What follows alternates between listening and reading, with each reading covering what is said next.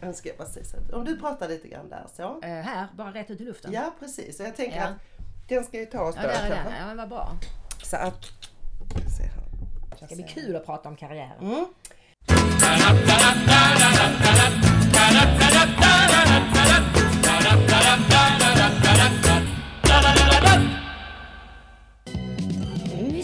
Anna-Lena Therese Brundin Bergelin är född i Lund och är både komiker, författare, sångerska och skådespelerska.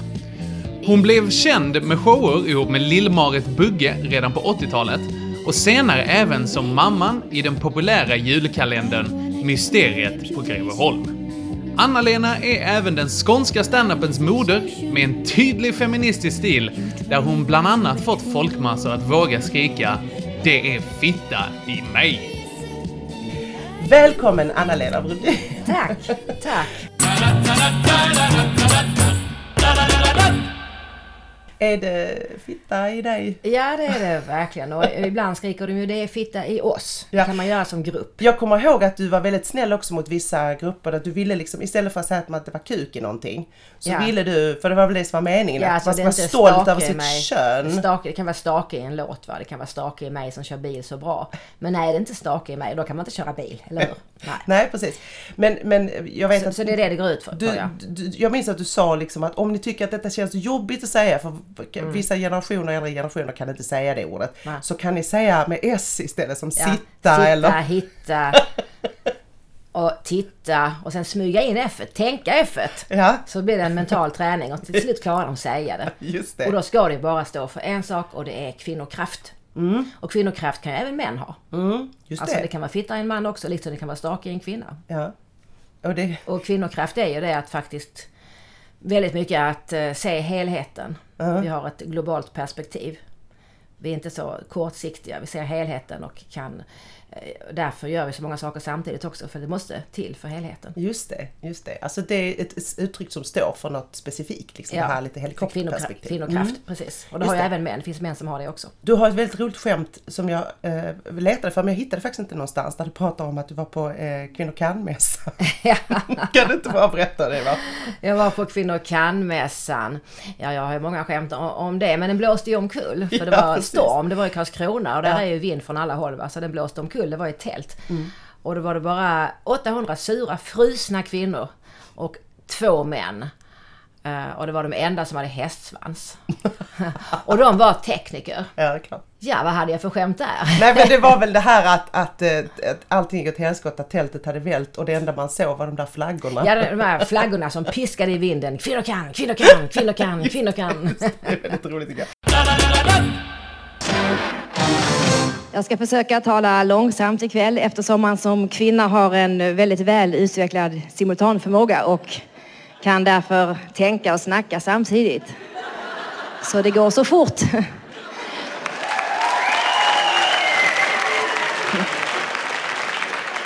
Men ni kan vara lugna, bara för att jag är kvinna tänker jag inte bara prata om sånt som berör kvinnor utan även om sånt som berör människor. Det är väldigt roligt.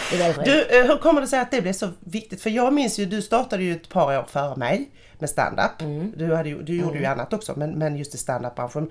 Men du, du hade alltid det här kvinnoperspektivet. Det var inte riktigt någon som hade det förrän Nej. du började. Hur kom var, det sig? Det, och det var ren... eh, Det var att jag råkade föda barn då. Och då, och då sa jag, märkte jag bara efter på tredje dagen eller så, eller efter en vecka att jag är mor, jag är mor, jag är ensam mor. Ja men du har ju en man. Ja det har jag, men han är ju far. och det var där jag såg, när man Ja. väl får barn va. Ja. eh, I väldigt många fall, och framförallt på den tiden, men det är säkert så idag också i många fall. Så får hon större ansvar. Det blir bara så. Och, Eh, och jag att du ville göra humor av det då, blev det naturligt? Ja, det blev väldigt naturligt för jag behövde prata av mig. För jag, var ju, jag hade så mycket att göra med barn och hemmet och allt som skulle... Och då var det så skönt den här timmen man står på scenen. Bara prata av sig, det vill säga klaga högt. Och i och med att jag då fick skratt, stora skratt på detta, så förstod jag, jag är inte ensam. Nej. Det är många andra som har det så här, eller de flesta har det så här. Och det var väldigt skönt. Ja. Och säkert, tror jag, skönt för publiken också, i alla fall för kvinnorna. Min man han är en väldigt passionerad man, stor och mörk och sådär va. Och, och för några dagar sedan så grät han plötsligt inför mig. Han sket i att jag såg på. Han grät sådär hejdlöst och bara bölade så. Och det var när vi förlorade mot USA i Canada Cup. Så va. Ja, så sånt gråter han över, strida strömmar. Men inte en tår av medlidande jag fick under själva förlossningen. Men är det någon, har du fött? Är det någon här som har fött? Upp med en hand. Hallå, någon som har fött? Där är en ja. Jag menar det svider ju lite va, eller hur? Lite, lite så. Svider lite så tycker jag. Så. Då vill jag ställa de första frågorna som handlar lite grann om hur du var som, när du var liten och när du upptäckte att du var rolig. Minns du det? Ja, det minns jag. Mm. Väldigt tydligt. Det, var, ja, det började redan i släkten sådär, men jag alltid, men de, de sa nu får du hålla flabben ofta till mig, för jag pratar hela tiden. Ja. Och skrev, men sen var det i det roliga timmen, en klassiker. Och det lär ju inte finnas kvar längre på samma sätt i skolan. Nej, jag har förstått det. Där det har ju många talanger fötts. Ja. Men roliga timmen i tredje klass. Ja. Eh, kan du minnas vad du gjorde? Ja, jag klädde ut mig till kines och sprang runt och var kines och det hade väl inte varit politiskt korrekt idag. Det är saker man inte kan göra längre. Nej, kan man inte mm. göra längre. Och delade ut små bananbitar. Jag, i, med, som, med ett, ett sånt sticka i. Tandpetare ja. Nej, bara råa. Ja. Men, Va, hur tänkte du kopplingen banan-kines? Ingen var, hade på en bricka. Det var nog för att jag var sugen på banan. Och klassen uppskattade att de fick banan. Ja. Så det var ju en myta också att skratta. Ja, just det, just men, det. Eh, men de skrattade väldigt mycket åt min kines. Och vad gjorde kineser? Pratade, gjorde konster? Vad gjorde ja, det var jag. Jag höll på att kisa med ögonen och, och, och sa tjing tjong typ. Jag vet, de gick med små, små, små steg. Som om jag hade sådana här skor, du vet de snöpte sina fötter. Just det, just det. på den tiden. Ja. Mm. Alltså det, det, är ju roligt med den där första humorn för att uh, man, man, man har ju liksom man har ju de små medel som man har. Liksom. Ja. Det är fantastiskt. Och hur liksom utvecklade det sig sen? Var du... Ja, då blev ju Roliga timmen mitt forum. Mm. Så det var ju hårt arbete varje vecka fram till premiären på fredagen. Varje pjäs var ju bara en gång. Va? Mm. Så, eh, och då hade jag alltid själv huvudrollen. Jag tror mm. en eller två gånger gav jag huvudrollen till en som heter Judit, som var väldigt rolig. Mm. Och, men jag skrev, jag släpade kostym till alla. Det var min mammas och pappas kläder som jag använde. Klart. Det fick jag mm. låna snällt av dem. Mm. Och så var det varje fredag. Och sen så började, var det så kul tyckte de, de skrattade så mycket så att klasserna bredvid som hörde oss blev avundsjuka. De hade bara frågesport. Ah, vad gör de, ni där inne? Ja precis, så då fick ah. de, blev de inbjudna så det blev en stor tjock oj, publik som oj, satt tätt. Det är en riktig standup-klubb kan man så säga. Så du blev nästan lite kändis i skolan? Det, ja det kan man absolut säga. Ah, vilken skola är detta? Detta var eh, Klostergårdsskolan i Lund. Ah, just det. Och sen fortsatte jag ju på Svaneskolan med saker och sen var det Katte och då var jag med i Katterevyn. Vårt kön anses fortfarande vara det fulaste som finns och det är så konstigt för vi har ju alla den vägen vandrat. En standardfråga i den här podden, eh, mm. det är på en teori som jag har, eh, som alla som har lyssnat eh, nu har fattat. Att jag har en teori om varför det finns varför det är svårare för tjejer att komma fram. Och det finns ju massa olika mm, anledningar till det. Mm. Men att jag tänker också att det har lite grann med den här som jag kallar för parningsåldern att göra. Yeah. Att det är så svårt, tycker jag, eller jag tyckte det i alla fall, att det är ingen framkomlig väg att vara rolig och för killar. Nej. Håller omöjligt. du med om det eller hur ja, var det för dig? Absolut, alltså ja. absolut. Så fort man var rolig så var ingen som vågade ens titta på en eller man förlorar totalt sin attraktionskraft. Vad var det som i friendzone? Ska, eller knappt det? Nej, knappt det. Man ska fnissa åt killarnas skämt, då blir man populär. Mm, mm. Men, eh, och tycka det var roligt när de drog i bh-bandet så att det small till och sånt där. Och det var det ju inte va? Nej. Det var faktiskt sexuella trakasserier redan då. Ja. när man var 10 år gammal, 13 år gammal. Men, Verkligen. Så, men så var man rolig, nej då var man ett hot. Så man förlorar sin attraktionskraft på köttmarknaden. Bekymrade detta dig? Nej, för jag hade eh, ju, då var jag 15 först när jag fick det, men jag hade ätstörningar och kände mig extremt fet fast jag inte var det. Men jag trodde det. Jag såg liksom fel i spegeln kan man säga. Mm. Och, eh, så jag ville inte ha med någon Nähe. av det andra könet att göra. Okay. Rent fysiskt, alltså ingen fick ta i mig. Jag hade däremot platoniska kärlekar. Alltså, bland annat Björn Borg då. Och Just det. Olika film. Var det verkligen platonisk kärlek? var inte det bara liksom Obsession. Ja, jag var besatt. Ja. Jag var en stalker. Ja. Mm. Har du pratat med honom om detta någonsin? Eh, ja, faktiskt så hamnade vi på samma tennisbana. Jag tog en kurs i tennis en hel hösttermin i Hallonbergen i Stockholm när jag var 38. Ja, för du ringde upp hans mamma. Jag och ringde du hans mamma, möjligt, ja. Oh, ja. Det var nästan, alltså det ja. var nästan så att du blev polisanmäld eller? Nej. Nej, det var det inte. Men jag, satt, jag, jag var i Båstad när han spelade i Båstad. Då satt jag precis, du vet, där han sätter sig på en stol och dricker vatten och torkar sig med en handduk. Där satt jag. Ja. Hej, hej, hej. Och så, det är störigt liksom. och fotar hade med. Och, Ja. Blev han någonsin sur? Nej, Nej. Men vad, vad hände då när du träffade honom när du var 38? ja, han, jag visade honom, jag hade gjort en klippbok Mm. om honom, så jag visade honom den. Och eh, det var en, en genant situation kan jag säga. Han var, vad skulle han säga? Oj, oj. Oj, där är jag igen. Ja, just det. Men du, liksom, vad, vad sa du då till honom? Jag har känt så här, jag gör inte det längre men jag tänker bara du ska veta det. men titta här vad jag har gjort, den här klippboken. Det var hela hans karriär faktiskt. Så att, eh, Men han fick inte det? han, nej, fick Nej. han inte. Men han bad inte om den heller. Så att, hade han bett om den på riktigt, då hade jag ju nog gett honom den till honom. Hör du det Björn? Ja. Den finns fortfarande Ja, kvar eller? ja, det gör den. Ja, du kan få den om du vill jag ha har den. skrivit dikt och... Det går inte att undgå. Va? Jag är bara en, jag är bara en människa va? som spelar tennis och håller ett rack och springer efter en boll hela tiden. Vad tror du, var, vi har ju pratat lite med, med olika komiker som har varit med här nu, varför man börjar just att vara rolig. Vad, vad, vad är din Ja, jag, teori? att jag började vara rolig... Ja, dels var det ju, alltså skrattet, att få folk att skratta blev ett gift. Och det är det fortfarande. Alltså man blir ju hög va. Och, och pigg långt efteråt. Så om jag är ledig en månad, som jag har försökt ibland, då blir jag så fruktansvärt trött. Just det där som skrattar jag. Nej precis, mina endorfiner får inte, får inte, inte, kommer, aldrig, kommer inte igång då. Nej, jag förstår. Så det, det blir ett gift. Eh, snabbt blir det det. Och sen eh, var det också ett skydd, tror jag. Att inte behöva vara objekt eh, och spela på det utan... Ja, för nej, du har ju alltid varit en snygging tänker jag. Det är fast ingenting jag har upplevt själv. Nej. All, absolut inte.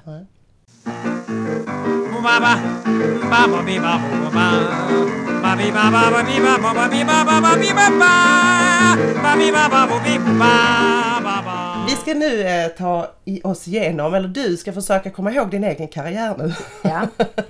Det är inte så svåra frågor. Men eh, ja, så nu kommer karriärtestet. Eh, 1978 träffade du skådespelerskan Lill-Marit Bugge som uppmanade dig att skriva pjäser har jag förstått. Mm, skriv din egen pjäs så får du själv huvudrollen. Ja, och året därpå så hade du faktiskt din första pantomimföreställning som hette Matilda på prov. Ja, och den gick på Lilla Teatern i Lund. Ja, visst. Det var redan två poäng. Det var bra. 1980 satte andra, eh, sattes andra pantomimföreställningen upp. Vad heter den? Kärlek. Mm. Och den gick, sattes upp på... Lilla Teatern också, men jag körde den även på tyska i Tyskland på en stor teaterfestival. Jaha, okej. Det är ju då fel enligt Wiki va? För enligt Wiki så sattes den upp på Dramatens paviljong i Stockholm. Ja, det gjorde den! Ja! Ja, det gjorde den. Okej, då får du avdrag. Ja, precis. Och en jättefin recension fick jag. Åh, vad roligt. Så är det när man... Och efter det så blev de intresserade av mig här nere. Så man blir inte profet i sitt eget land. Nej, det är väl Nej, så är det. underbart. Eh, ja, sen hände det en massa saker. Tillsammans med Lill-Marit då så flyttade ni till Berlin står där. Ja. Eh, och sen blev ni upptäckta 1985 av Sveriges Television. Hur gick den kopplingen ihop där? Det var i Berlin. De upptäckte er i Berlin. Ja, och det var faktiskt eh, Jan Sigurd här i Malmö som Ja. hade tipsat eh, tjejen som jag glömt vad hon heter som är journalist och Lars Bergman om att det finns två galna tjejer i Berlin. Två svenskar som eh, tydligen det går bra för dem där. Ja. Så de besökte oss och tittade på våra föreställningar. Var, hur, varför satte ni upp ty- tyska föreställningar då eller? Ja, det gjorde vi. Ja. Vi fick banka in i, öva, öva, öva, öva. Va, vad hade ni båda üben, lätt för tyska eller? Nej, vi hade läst tyska i skolan som alla andra. Ja. Jag hade fyra i tyska. Ja, Och okej. Lindmark hade också läst tyska. Men eh, det är ju en helt annan sak att vara rolig på tyska va? Och, Det går det och tala helt flytande. Ja, det går. Men, det, men det,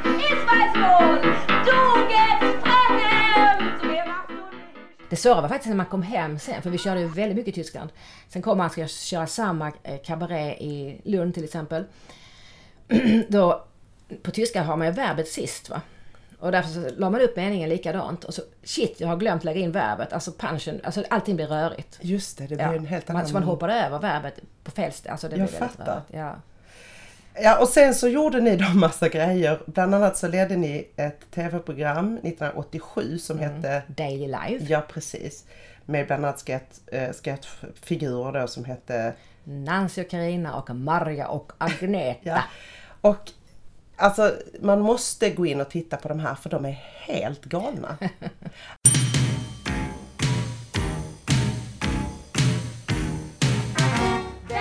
Välkomna, ska ni vara. Så ska det låta när flickorna är klara.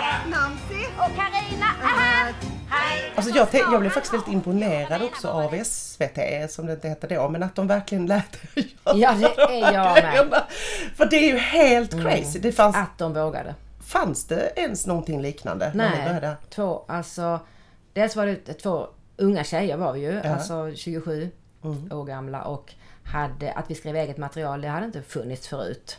Från ingenstans. Och sen att vi hade, att vi såg ut som vi gjorde. Det var trasiga nylonstrumpor, gympaskor, stora, stora latexfärgade bhar, jättetuperat hår. Alltså vi såg ju... Ja, och, och det var ju verkligen ingenting formaterat. Alltså Nej. om man tänker sig så här att man skulle göra nu så skulle det sitta någon projektledare och massa manusförfattare och allt möjligt som skulle ändrat och Nej, fixat. ingenting. Och, utan Helt fria händer. Vissa, vi, alltså jag har ju tittat på rätt mycket Ja. och jag hade ju missat mycket av det här Ja. Mm. för att jag tittade inte då av någon Nej. anledning inte så mycket. Och det är ju helt, alltså, alltså saker som sådär är man, man har nästan svårt att säga att det skulle kunna gå att göra nu. Ja, och, och det var väldigt feministiskt. Ja. Och det var väldigt, väldigt miljötänk. Vi hade ju det här återvinnsgrejerna. Använd det igen, använd det igen. Och vi pratade Mm. om regnskogar som går åt fanders. Det är en fot, nej, tio fotbollsplaner om dagen som skövlas. Och vi pratade om eh, alltså att inte äta kött. Vi, alltså vi gjorde Ja, ni var så före så före. Och alla, vad håller vi på med? Ja men det känns som att möjligtvis nu, så jag tänker på alla unga som, som är igång nu och gör sådär, nej men jag ska Mm. göra någonting som jag står för själv, så gå in och titta på de här gamla Ja. Daily Live eh, för de är, det ligger tyvärr inte jättemycket ute på Mm. Nej. arkivet. Men jag hoppas att de lägger ut mer för att det är verkligen också helt Alltså vissa saker är ju helt... Man, man, och vissa saker saknar också lite poäng sådär. Ja, men det, är ja, väldigt precis, för att det är så viktigt såhär- för oss. Ja och, och, och jag måste säga de här karaktärerna, vi ska, ni ska få höra lite grann Mar, Marja och Agneta. Ja, så är man då med i detta skandalomsusade programmet. Över Ja, men bara som ett anti-imperialistiskt alternativ till den kommersiella pornokommersen. bra, mycket bra sagt Agneta.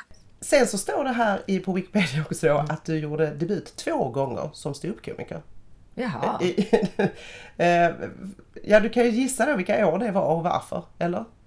Uh, ja, 90 var väl då när jag hade fött min son. Ja. Det första gången. Ja, men inte enligt Wikipedia. Nähä? Ja, enligt Wikipedia så gjorde du debut 88 men att Ja, inte det gick, gjorde jag. Att Oj, du det inte gick tyckte att ju det gick inte så bra. bra. Nej, och det nej. står det på Wikipedia. Vad roligt. Taskigt. alltså taskigt. Ja, men, ehm, men vadå, du gick alltså upp på Norra Brunn eller? Ja, och så hade jag en fördom om eh, stand-up, vilket många människor har. Ja. Att ingenting är förberett. Precis. Jag hade lite, några idéer sådär bara, men jag hade Ja. inget manus. Ja, ja, ja. Och, eh, Så det var ungefär så som jag gjorde, fast 94. Ja, precis. så jag hade lite dåliga skämt sådär. Ja. Typ, eh, jag, att jag var indier egentligen eh, för att jag älskade kof, bära kofta och Ja, ja, krama okej, min okej. madrass. Alltså så dumt. Så det funkar inte alls? Nej, inte alls. Och sen så sa jag till publiken, nej men säg något till mig för det går ju ut på att ni säger någonting. Så ska jag svara på det så blir det roligt. Ja, okej. Men vad hände efter detta? Det- Var det verkligen sådär så att du kände, nej men gud det här kan, det här gick ju inte bra? Ja, Liksom. verkligen. Ja. Det var ju Vad fruktansvärt. hände Det är efter en det? kniv rätt in. Ja. Nej, sen så gick jag hem och slickade mina sår och ville inte upp på hästen igen. Nej. Mm. Men sen födde jag min son. Och det var då det här skämtet kom, som jag sa innan. Just det. Och det var då, det bara rann till liksom. Och allting blev just kvinnoperspektivet. Just det. Så då, okej, så 90 kan man säga att det var din riktiga debut. Det första Ja. var bara en liten test. Eh, Ja, För hennes mor jobbade då på, på ja hon var man kan säga en dålig kvinna. Dålig, det, det är lätt hänt att vara en dålig kvinna, det räcker ju att man har för kort kjol, eller hur? För hårt sminkad, spottar inte i glaset, röker och drar fräckisar, sådär, skrattar sådär rökhäst som vissa kvinnor sådär, och visar plomberna. Då är man en dålig kvinna. Men vad är en dålig man? Va? Vad är en dålig man? Jo, han är bara lite förkyld. Du har ju jobbat som skådis också, men är du utbildad skådis? nej. Nej. Jag, alltså jag har tagit väldigt många teaterlektioner av, och varit med i teatergrupper med teater. Och haft teaterlärare och gått för dem och sökt scenskolan. Åkt ut med buller och bång med en gång. Nej. För alltså jag sökte väldigt fel, jag hade valt fel roll. Eh, Jag hade valt en 45-årig alkoholiserad eh, radiopratare till kvinna och jag var, Mary Lou hette hon. Och jag var liksom 18 Aha. och, och jätte, jag såg ut som jag såg ut som hjälpa? 12. Alltså jag, för jag var lite rund va? Runda Ja. rosiga kinder och så här, Ja. röd snickarbyxklänning i manchester och så. så. Mm. Och så ragla runt där. Och, bara, och så hade jag varit in ett hästskratt. som hon hade. Och ja, det, det, jag, jag var inte trovärdig helt enkelt. Men du har ändå gjort en del roller. Bland annat så blev det ju då som jag sa i början, eller som Henke berättade här, Mysteriet på Greveholm. Mm. 94, 97, nej 96 var det ja. 94 står det på Wiki, är det fel? Gör det? Ja. Nej, för jag vet att min son eh, gick på skola i Paris då och då var han sex år, så att 96. Okej, men vi, vi låter... Mm. Vi, vi säger att du har rätt.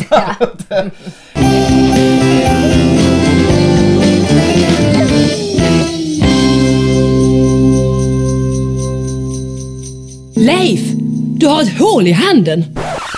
Eh, sen har du skrivit mycket också. 95 skrev du en roman som hette Nej tack, jag åt nyss. Precis. Och den handlar väl om... Om ätstörningar och det är verkligen Mm. en roman så att det är mycket, mycket kul som händer i huvudpersonen som heter Anna-Lena. Hennes liv. Liksom tänker, en generationsroman eller en Mm. ung, eh, som Jack till exempel. Han är ute och liftar i Europa och allt möjligt sådär va. Och många fiaskon som händer. Men hur mycket självbiografiskt är det? väldigt mycket. Men, men ätstörningarna finns alltså som ett filter för, man, för det är det som styr hela tiden. Just det. 2000 så ledde du ett radioprogram som jag tror handlar om country. Minns du vad det hette? En häst i natten. Alltså jag älskar den titeln. En häst i natten. Berätta, berätta om det programmet. Eh, och där skulle folk ringa in. Jag spelade country och pratade, filosoferade däremellan. Men pratar du om countrymusik? Ja, spelade Ja, och pratade om häst var country. bara det faktum att Precis. man brukar sitta på en häst. I vignetten hade jag ett gnägg också. så att jag fick så hat, några hatmejl eller brev från eh, countrynördar. Att jag liksom drev med country, men det Aha. gjorde jag inte alls. Jag Nej, nej, för du country. har väl alltid gillat Ja, country? har alltid gillat country. det. Mm. Men alltså den titeln, den är genialisk Ja, var roligt. Men det fanns ju ett program som hette, vad hette det? En röst i natten. En röst i natten, ja. precis. Så det var ju det jag byggde på. ja, det är jättekul. En häst, en, häst. Ja, ja, men sen har du ju f- eh, följts eh, av en massa tv-program, egna föreställningar, böcker, massa, massa stå upp framträdanden Ja, kan jag tänka mig alla kvällar.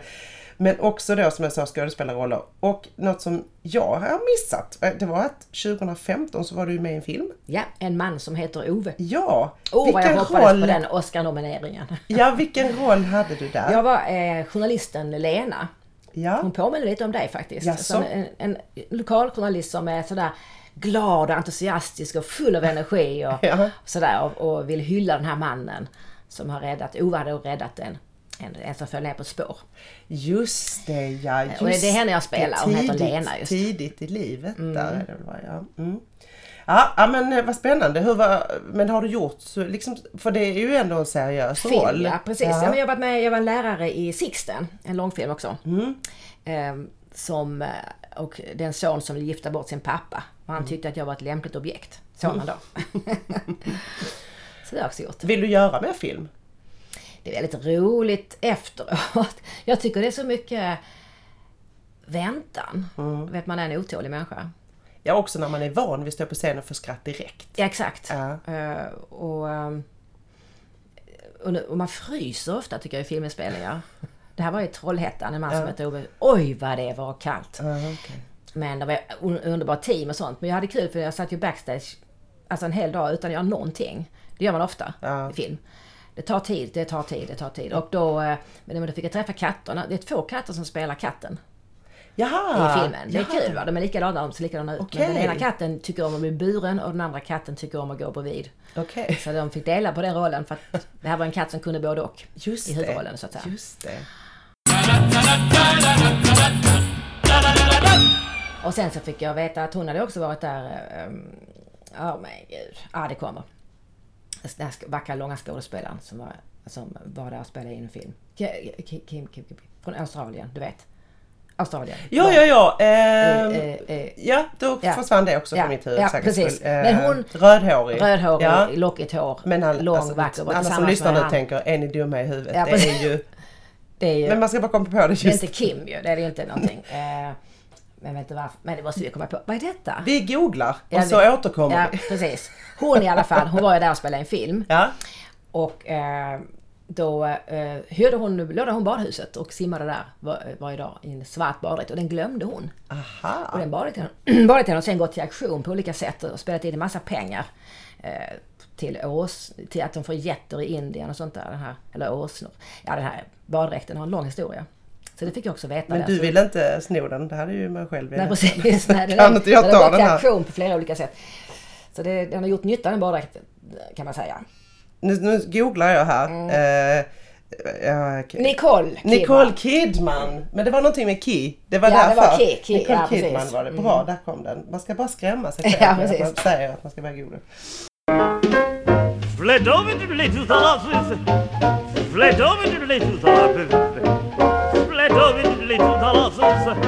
Fled to the little Talassus. Swedish rock. Har du något drömprojekt som du inte har gjort än? Hmm, hmm, hmm, hmm. Alltså jag, vad jag går lite sugen på nu, för jag har haft, kan man säga, jag har varit under radarn nu sen eh, rätt må- sen sju års tid ungefär. Jag har varit under radarn. Jag flyttade från Stockholm till Malmö. Mm. Och eh, Man hamnar lätt under radarn när man, Man- man gör här. Jag har ju bott här hela min karriär. Exakt. Jag har varit under radarn hela tiden. här är man, man är Ja. Malmö så är man under radarn. Ja. Om man kollar på TV nu så är det, det är Stockholm som är Ja, TV hela, absolut. hela, hela tiden. Mm. Och eh, det märker man inte när man bor där uppe. Då tycker man det är helt naturligt att alla ens kompisar är i TV hela tiden. Ja. Men nu när jag sitter här nere så sitter jag så kollar på Malou till exempel. Ja, sitter alla polarna där och snackar med henne. Alla, jag känner alla. Mm. Men jag är inte med längre. Nej. Nej, jag är inte inbjuden. För att de betalar väl inte resor från Malmö liksom. Nej, och sen morgonsoffan. det, står ju folk på kö hela tiden som vill in. Så varför Ja, ska de dra upp nej, någon precis. från... Man, Så att... ehm, det är skönt att vara under radarn också måste jag säga.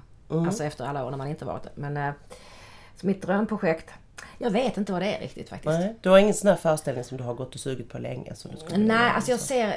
Jag håller på att sjunga väldigt mycket nu och Mm. eh, jag ska gå en kurs i Köpenhamn i slutet av januari. En hel vecka. En sångkurs? En sångkurs. Ah. Så man ser så fram emot. Ah. Jag ska liksom befria min röst. Jag Ja. vet inte hur det ska gå till. Men, eh, ja. och då tänkte jag, och så, och så fyller jag liksom jämnt jubileum i april. Va? Ja. Och där har jag lite dröm om att ändå komma med något. Göra en föreställning? En liksom. föreställning, ja. Mm. Mm. Jag funderade här då, som är också lite anledning till att jag startade den här podden, eh, just för att förutsättningarna för kvinnor är annorlunda. Eh, vad har du märkt av det under din karriär? Hur har det varit för dig? Liksom? Mm, alltså man har ju varit så mycket ensam så man har inte stött på kollegor så mycket och sådär. Ehm, Men jag märker att man... Alltså när jag, när jag började då så var det alltid massa män. Och så var jag oftast ensam kvinna. Och sen blev man presenterad som eh, nu kommer en kvinnlig komiker. Ja. Så var det ju. Det är nästan så Och fortfarande. det är nästan så Ja. fortfarande. Mm. Så att eh, det är ju väldigt vad det är djupt rotat. Och så är det kvinnliga präster. Därför är det kul ja, nu när jag minns, när jag berättade att jag satt i en studio med en manlig präst. Mm. Brukar jag säga. En manlig präst. Ja, han var inte direkt manlig men han var, det var en man. Alltså det var en man som var präst. Ja, du menar att man alltid använder epitetet kvinnlig? Vända. Ja, menar. precis. Mm, och mm. nu är det, det är fortfarande damallsvenskan. Mm. Och sen är det allsvenskan. Jag tycker överhuvudtaget det är väldigt roligt att det heter dam för att det säger man aldrig. Man ska, ingen Nej. kvinna vill bli kallad för dam. Nej, För aldrig. det känns det lite så eh, goa töser, det är inga damer som springer där. Kvinnallsvenskan. Nej, precis. Tjejallsvenskan. Ja, precis. Så att... eh, Men har du märkt av, har det någonsin liksom varit tydligt för dig att det är så här?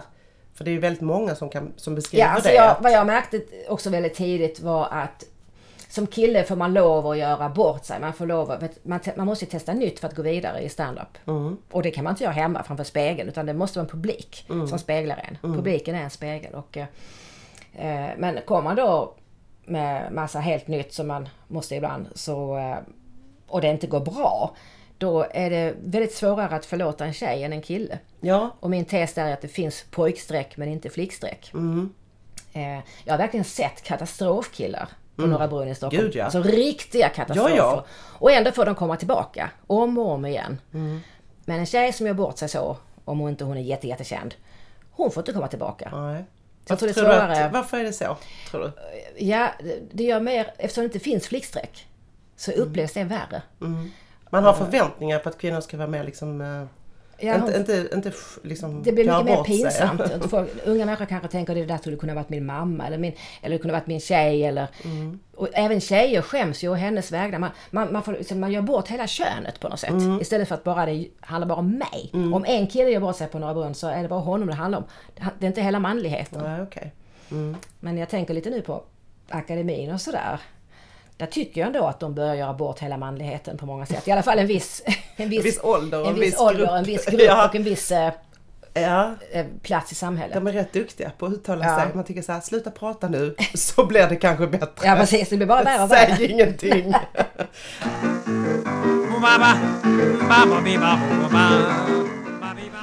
Men, men om, du, om du skulle ge tips då till eh, unga komiker, kvinnliga tjej, eller tjejer som är, liksom vill in i, i branschen och sådär. Hur- Vad, vad skulle du ge dem för tips då? Eh, Ett tips är att faktiskt så fort som möjligt skapa en egen planhalva. För man blir inte insläppt på killarnas planhalva. I alla fall inte om man inte har gjort massa succé först. Mm. Eh, Eller om de tycker att henne, henne tar vi och gör till vår. Alltså Mm. eh, omhuldar henne. Mm. Så, för, så det tänkte jag när jag faktiskt startade en grupp, en liten jävla kvinnorörelse. Just det. Och det gick väldigt, väldigt bra. Det var, vi bara gjorde, vi bara tog för oss. Och det var, är det sent 90-tal också va? Ja, det var det. Ja. Eller Kan det ha början varit 95 eller 2000? 97 kanske? 95? Ja. 97. Okej. Ja. Vi, vi höll på i fem år, väldigt intensivt. Ja. Och vi reste till Las Vegas på inspirationsresa. Spelade in filmer där som vi sen använde i Vem var var- gjorde Berlin, det här var tillsammans med? Paris. Seid Andersson och Ann Westin och Yvonne Skattberg. Just det ja. ja. just det. Det var ju den en liten jävla som sen fortsatte. Ja, så blev det en liten jävla julshow och en Som liten jävla... jag till och med var med i Du var också med, ja precis. ja, det var långt senare. Ja. Och, vi, och den såldes in till TV och allt gjorde vi själva. Mm. Med vår producent Åse Högfeldt. då. Så det, det är rätt bra att, som Lill-Marit sa till mig redan när jag var 19 år, skriv din egen pjäs så får du själv huvudrollen. Eh, för att annars blir man en, eh, som tjej lätt en, eh, ja man får en roll i någon. Och det är den skriven väldigt, ofta en platt roll utan undertext och sådär va, som män har Mm. skrivit. Så att det är bra att skriva eget, eller hitta andra som skriver bra andra tjejer. Tyvärr. Eh, Men det är kul också. Men det gäller ju också att man ska ha någon som satsar på det. Det tycker jag nästan ibland. Nu, nu hoppas jag att det håller på att vända mycket så. Mm. Ja. Men, men ändå att det, har- det har varit största problemet. Att Väldigt. kommer man med och är med i någon tv-produktion så vill de, litar de inte riktigt på ens egen humor. Utan de Nej. går in med, och så gör de inte riktigt med killarna. Nej, utan, jag utan de litar inte på att man ska kunna vara tillräckligt rolig. Vilket Mm. är lite konstigt. Ja. Och sen tror jag också, alltså, kanske som att som tjej, jag minns när jag gjorde Gary Persson. Eh, det var ju, jag skrev fem 30 minuters program, skrev allting själv. Och sen så sa de, det är ett glapp här i tablån så du måste ha, du måste vara 45 minuter lång. Sa de ganska sent. Okej. Så jag var tvungen att lägga in alltså 5, för 15 minuter till till varenda program. Alltså du, jag slet och sen, och sen jag skrev alla roller, alla skämt, allting. Och var jag som fick, jag åkte till kostymförrådet själv till Stockholm och lastade min Volvo kombi full med kostymer, kör ner till Norrköping till TV där för dem. Okej. Alltså, jag, jag fixade resor till och med till folk, för hon som skulle fixa det, hon hade haft nackspärr och de kunde inte ta in någon annan, eller något sånt där va. men, eh, men så tipset är liksom att gå igång med, med din egen grej. Ja, Och, eh, och, och våga äh, skapa en egen planhalva. Alltså vi- sitter inte och väntar på att komma in på andras planhalvor. Nej, och jag tänker också det här med sociala medier och sånt där som, som din och min Mm. generation kanske har varit lite dåliga på. Att vi syns inte så mycket därför att vi är Nej, inte så precis. Mm. bra på den grejen. Men de unga är väldigt duktiga på att snabbt lägga upp sig själv och göra sketcher och, allting och ligga och Ja, lägga upp allting är på... fantastiska. Mm. Jag blir jätteavundsjuk. Ja. Men jag orkar inte, för mig är det så komplicerat. ja, precis. Och så är tekniken lite för krånglig. Och Skapa ett konto. man orkar inte Nej, hela en kaffe. lägga ut. Nej, precis. Men sen känner jag också man, ibland med sociala medier att man har ingen direkt koll. Va? Jag känner just det här med att jag vill vara under radarn. Eller jag tycker om att möta publiken fysiskt. Jag ser dem, jag ser hur de reagerar på mina skämt. Ja. Jag ser deras ögon. Men bara lägga ut sådär hela tiden, man har ingen koll. Nej, det är sant. Det, det är lite obehagligt. Jag tycker också det är svårt, personligen tycker jag det är väldigt svårt att stå och göra en sketch utan en publik. Ja, det är precis som att det Ja. inte riktigt går. Jag känner att jag får, all energin kommer Ja. och liksom det börjar och slutar med publiken. Utan publik så för mig är det oerhört svårt. Ja, men det är som att spegla sig rätt ut i luften utan en spegel. Det är lika dumt. Vi kommer ju ha en massa roliga kvinnliga komiker med i, det här, i den här podden. Men om du får önska. Och jag tänker också så här, död, levande, utländsk. Vad skulle, vem skulle du vilja veta mer om då? Jag tänker på, nu, nu tänker du på kvinnliga komiker i Sverige. Kvinnliga komiker, vad som helst, Vad som död helst, eller levande. Jag tänker på helt, helt hysteriskt och... Alltså, men just de French and Saunders, som, när de kom. Alltså jag höll på att skratta ihjäl mig. Och det var just att de skapade en egen planhalva. De, de, det är inte några män som har skrivit det manuset va? Nej. Well, have you ever seen a man's toilet parts? well, a man, right, has got three dangly toilet parts. And the, yeah, I think, it, yeah, the middle one, the middle one is the important one. And when the man... Vad hade du själv för eh, liksom förebilder när du Alltså när jag var började? liten var det ju Lucy show. Jag vet inte hur mycket hon hade med det att göra men jag tror hon hade rätt mycket med det att göra. Hon höll på länge. Det är väldigt länge. Ja. Och eh, ja, en, ant, en kvinnlig antihjälte, det växer inte på träd. Ju För att det bygger på att man är hjälte för att kunna bli antihjälte. Så att, eh, och det, Precis. det- det- Man måste det- ha det statusen för Ja, att kunna, kunna bli driva med det. Mm. Precis. Men minns du själv vad du tittade på när du var yngre? mycket Lucy show. Eh, och så den här da da da da da. Ja, Ad, eh, familjen Addams. Gillar jag, identifierar med henne såklart. Och det har jag glömt vad hon heter. Mordoricia, Moricia, någonting sånt. Moricia. Just det, just det. Hår. långa svarta och klippt lugg. Ja precis, Mm. och så här långa naglar och mm, ondskefull. Och ehm, sen läste jag såklart Lotta-böcker. Mm. Hon var också antihjälte. Underbart. Var hon rolig? För jag läste inte rolig, ja. Lotta så jag kan inte det var. Kitty var ju inte rolig. Nej. Kitty var ju tuff. Ja. Mm. Löste mysterier och sådär. Och, ehm, men Lotta hon var riktigt rolig. Mm. Och eh, ja, det gick till exempel in i en kyrka med en, stor pappkasse full med sill. Alltså vanlig sill, va? Strömming som man säger där uppe i Stockholm. Och så var det lite hål i botten så det var en sån lång rad, silverrad av, av sill efter henne. Alltså sånt där, hon gjorde bara sånt hela tiden. Eller har en sån ansiktsmask med ägg i ansiktet och så ringer det på dörren och glömmer hon bort det och öppnar och så är det killen som hon är kär i som står där. Och Just det. Sådana saker. Just det. Jag minns nu att jag läste en, en, bok, en serie som heter Jolly. Det var också Ja, en sån här lite ja. tjej som klantade till det lite grann och var inte den här söta, Nej, eh, duktiga tjejen. Men hade du någon, eh, någon svensk som du s- såg Jag älskar till? Eva Rydberg. Mm. Oj, oj, oj vad jag älskar Eva Rydberg. Om hon var i TV, då bara rusade jag dit. Och um, när hon när hon var clown och sånt. Det var också därför jag blev mimare och jag älskar Charlie Rivel. Och Ah.